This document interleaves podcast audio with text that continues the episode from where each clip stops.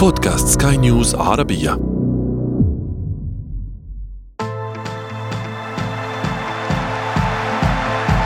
أثير الكرة.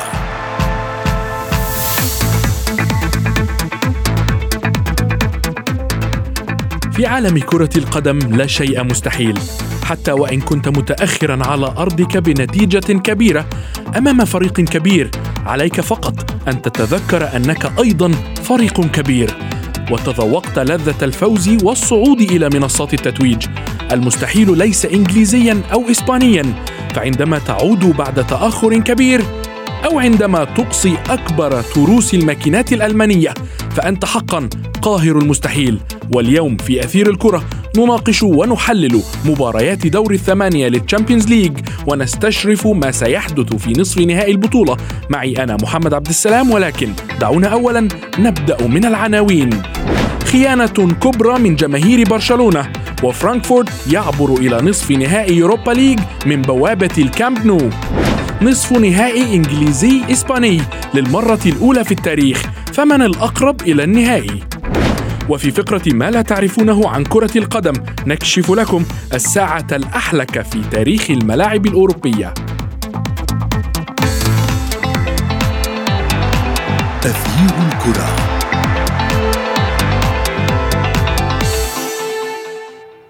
مربع ذهبي بطعم الإثارة في دوري أبطال أوروبا فسماوي مدينة مانشستر يواجه ملكي العاصمة مدريد وحمر ليفربول يواجهون غواصات إسبانيا فمن سيعبر إلى النهائي الكبير هذا الموسم؟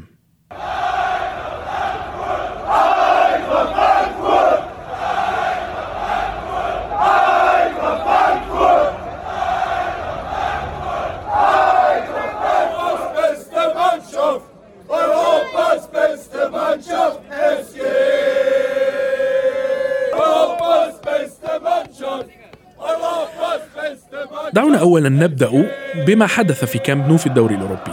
بعد خيانة كبرى قامت بها جماهير برشلونة بشكل غير متوقع حقق فريق أنتراخت فرانكفورت المستحيل وغير المتوقع.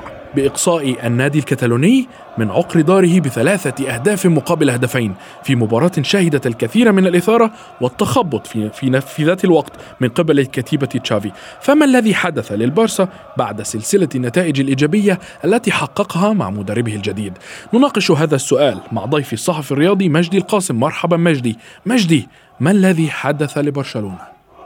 يعني لا شك بأنها يعني هزة. يعني ربما على مقياس ريختر يعني العداد أعتقد بأنه وصل إلى أعلى المراحل بحكم أن الكل تفائل بنسخة تشافي مع برشلونة. لكن بكل تأكيد كان هنالك ربما بعض الأرقام بعض الإحصائيات المزعجة بالنسبة لبرشلونة حتى ما قبل هذه المباراة بأنه شباك برشلونة تلقت ثمانية أهداف من خارج منطقة الجزاء هذا الموسم في مختلف المسابقات. أكثر من أي موسم ربما من منذ 15 عاما. بالتالي أعتقد أن هنالك كان خلل على مستوى حراسة المرمى وخلل حتى على مستوى التغطية. شاهدنا حتى في مباراة الدوري آه، كيف أمام ليفانتي تلقى ثلاث ركلات جزاء تلقى ركلة جزاء رابعة أمام أينتراخت. بالتالي أربع ركلات جزاء برشلونة. في 55 مباراة في مختلف المسابقات تلقى أربع ركلات جزاء. في مباراتين يتلقى أربع ركلات جزاء. بالتالي على الصعيد الدفاعي برشلونة كان يعاني على صعيد حراسة المرمى. أعتقد بأن شتيجن يعني تراجع مستواه بشكل كبير في آخر موسمين. بالتالي هذه الأمور ربما ظهرت جلية في مباراة أينتراخت فرانكفورت. رغم أنه برشلونة يواجه خصم ليس بالخصم الصعب. نتحدث عن فريق يحتل المركز التاسع في الدوري الألماني ولكن بكل تأكيد خيبة أمل كبيرة. هذا ربما يدق ناقوس الخطر أمام تشافي. من خط الدفاع حلول وضغوطات ربما سيمارسها على نعم مجدي. وهنا وهنا يكمن سؤال في في غاية الأهمية. فرانكفورت تاسع الدوري آه، آه، الألماني ولكن في ذات الوقت قدم أداء رائعا سواء في مباراة الذهاب أو في الإياب أمام برشلونة. هل نعط... هل تعتبر أن آه، تشافي تعامل مع اللقاء بأقل من قدره يعني تشافي هل أعطى آه، آه، آه، هل لم يعطي تشافي القدر الكافي لفرانكفورت في هذا اللقاء؟ أعتقد بانه أينتراخت دخل منذ البداية منذ البداية دخل وهو عازم على تحقيق نتيجة طيبة أعتقد بانه نتيجة مباراة الذهاب يعني ربما أثارت الكثير من الحوافز بالنسبة للاعبي أينتراخت فرانكفورت عندما يعني تتعادل مع برشلونة بالتالي يكون لديك أمل كبير بأنه لما لا تتعادل ولما لا تفوز أيضا أمام برشلونة خاصة وأن أينتراخت أعتقد أنه حضر الكثير من التفاصيل المهمة أغلق مفاتيح اللعب بالنسبة لبرشلونة. بالتالي أينتراخت قدم مباراة كبيرة ولكن أنت تخيل أنه حتى هذا الفريق أصبح أول فريق يحرز هدفين في شباك برشلونة في ملعب الكامب نو خلال الشوط الأول. بالتالي يعني هذا الموسم ما حققه أينتراخت فرانكفورت حتى عجزت عنه فرق كبيرة في الدوري الإسباني وحتى في دوري أبطال أوروبا. أعتقد بانه الفريق الألماني درس جيدا توليفة تشافي وراقب مفاتيح اللعب.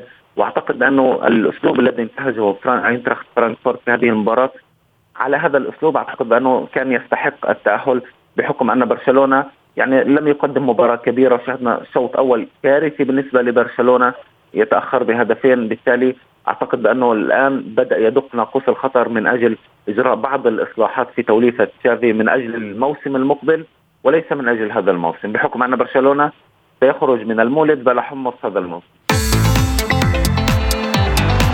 تغيير الكرة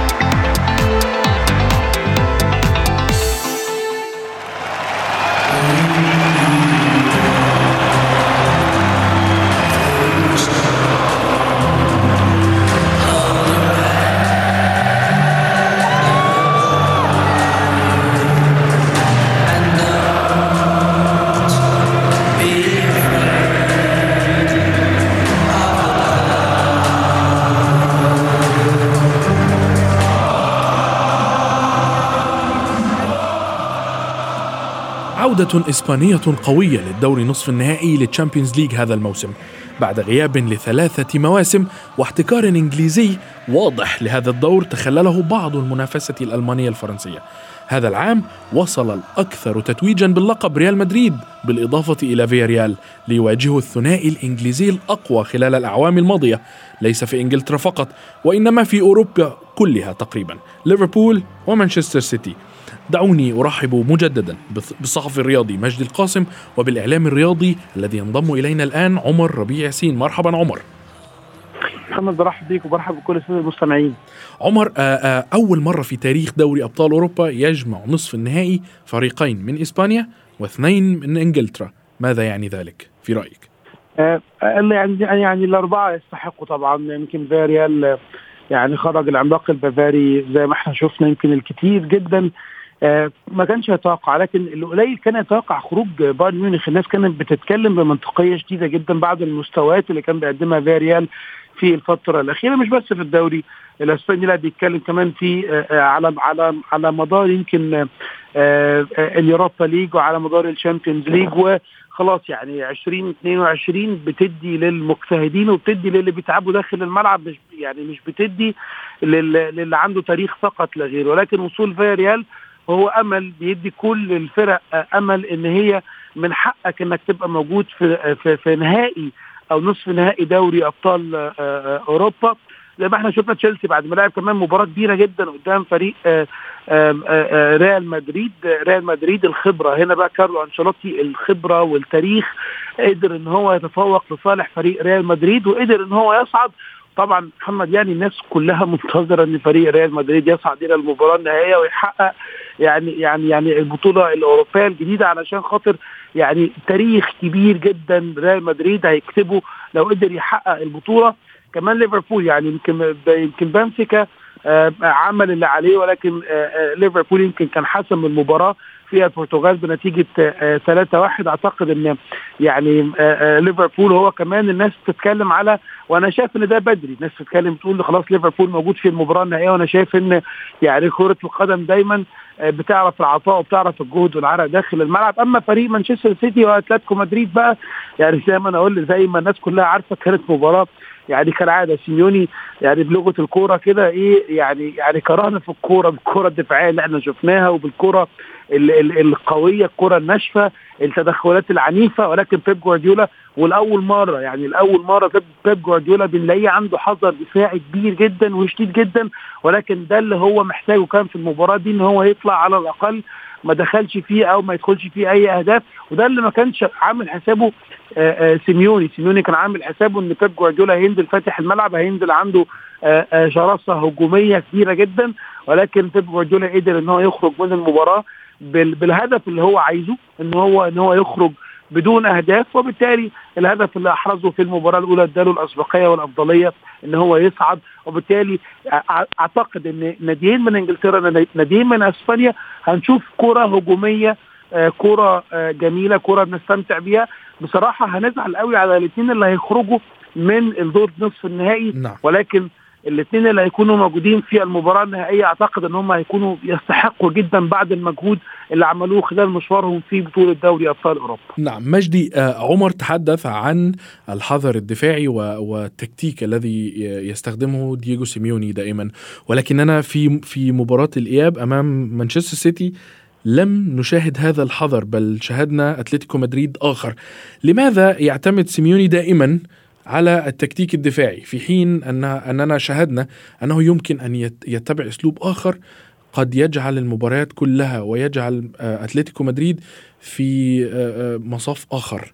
حتى زميلي محمد قبل أن تبدأ المباراة كان في تصريح ل مدرب أتلتيكو مدريد دييغو سيميوني قال عليكم أن تحترموا أسلوب لعب أتلتيكو مدريد ودافع بشراسة عن أسلوب لعب الفريق. لكن السيتي أتلتيكو مدريد كان يدرك بأنه عليه التعويض في مباراة الإياب بالتالي نزل بكل ثقله.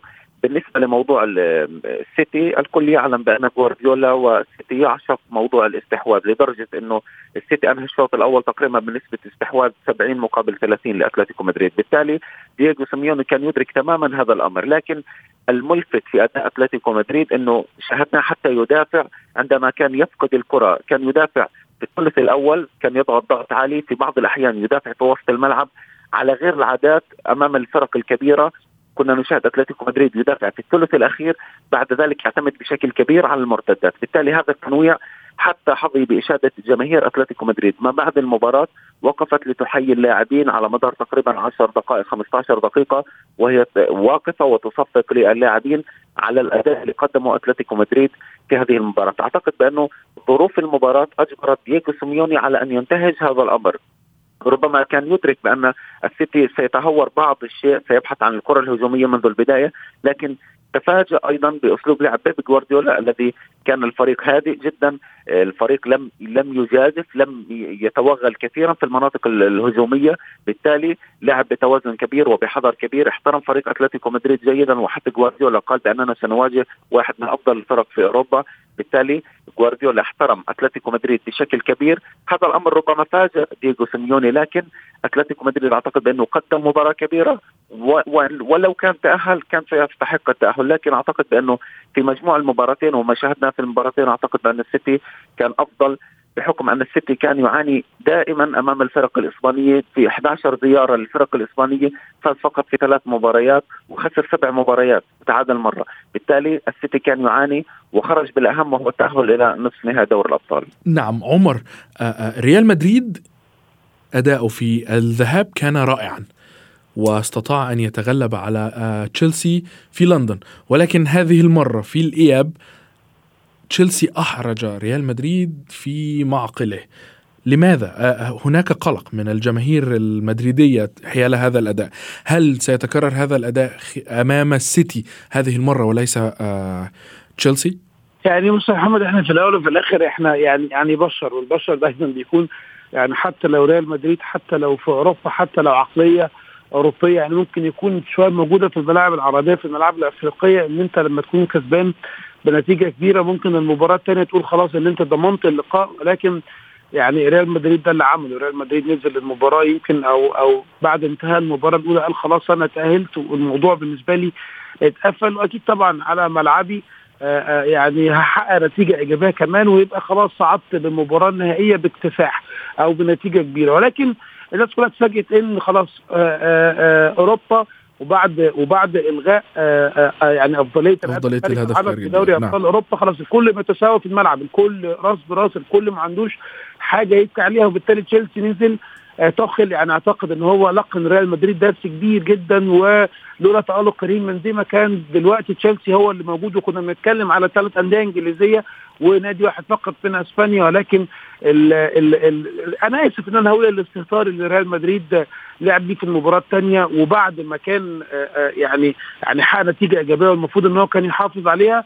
ريال مدريد كان لعيبته هي السبب في اللي حصل وحطوا نفسهم في موقف يمكن بايخ جدا جدا ولولا زي ما أنا بقول لك التألق والخبرة اللي كريم بنزيما مودريتش عملوها أعتقد إن تشيلسي كان صعد بوجهة نظري لو هنقول على المباراة الثانية فتشيلسي هو كان يستحق المكسب والصعود ولكن المباراة الأولى ريال مدريد هو اللي كان يستحق.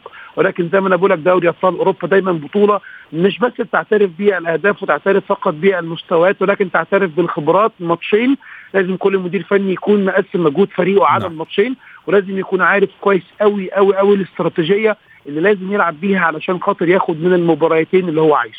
نعم هو بالفعل حقق حقق الفوز ولكنه لم يتأهل. آه مجدي ليفربول فياريال ليفربول يخطو بثبات سواء في آه الدوري أو حتى في آه آه الشامبيونز ليج. هل تعتقد أنه سيمر أو سيستمر في هذا الثبات ويعبر فياريال سيحقق أم أم أن فياريال هو الذي سيحقق المفاجأة ويعبر إلى المباراة النهائية؟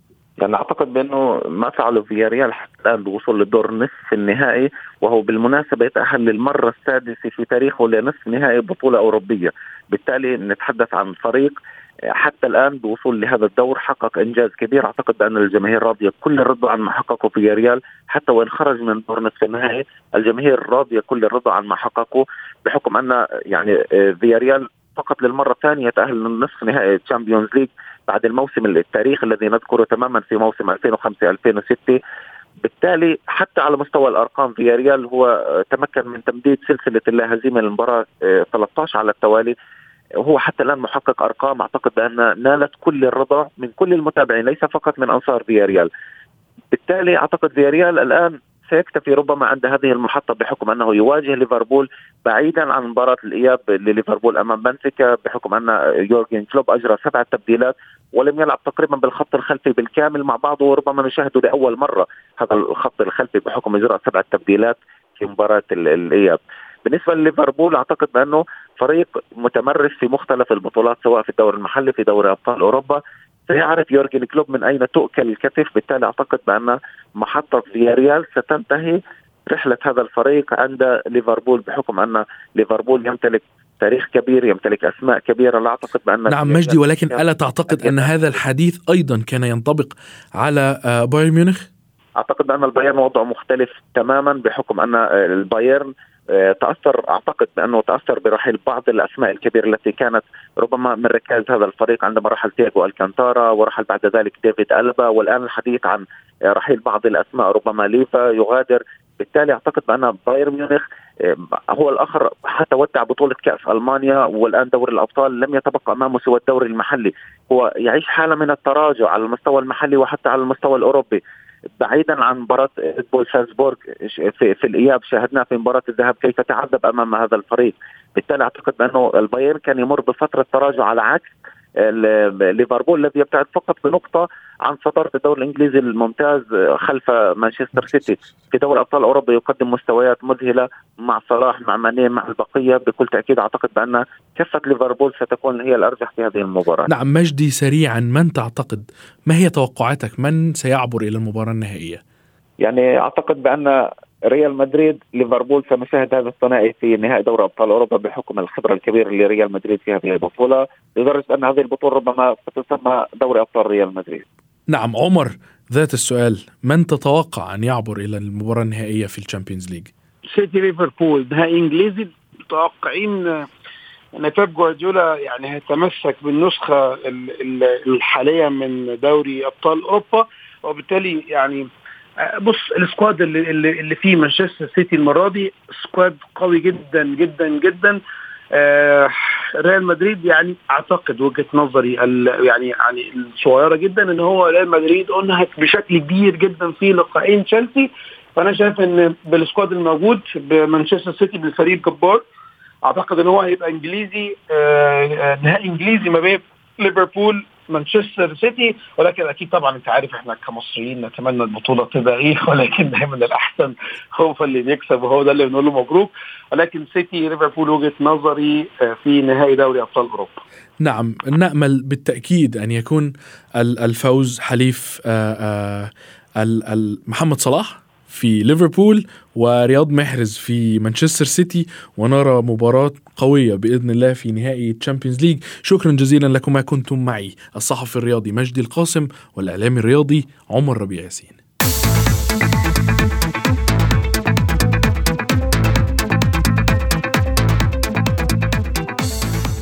وصلنا إلى فقرة ما لا تعرفونه عن كرة القدم وفيها نكشف لكم الواقعة التي اعتبرت الأكثر كارثية في ملاعب أوروبا. ففي مايو من العام 1985 على ملعب هيسل في بلجيكا وقبل بداية مباراة نهائي كأس الأندية الأوروبية البطلة أو ما يعرف الآن بدوري أبطال أوروبا والتي كانت بين ناديي ليفربول الإنجليزي ويوفنتوس الإيطالي انهار جدار الملعب بسبب ضغط الجماهير والذي نتج عن أعمال شغب أدت إلى مصرع 39 شخصا وإصابة أكثر من 600 آخرين. كان السبب الرئيسي للكارثة هو قيام مجموعة كبيرة من مشجعي ليفربول قبل بداية المباراة بكسر السياج الفاصل بينها وبين جماهير يوفنتوس.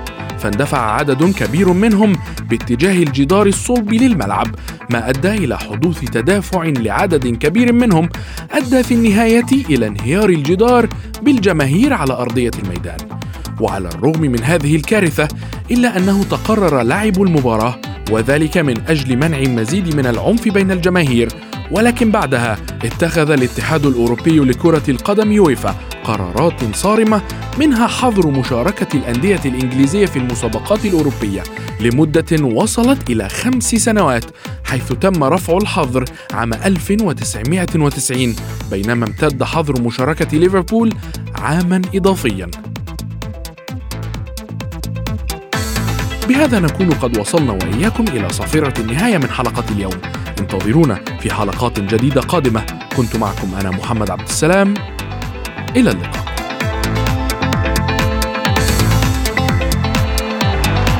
تغيير الكرة.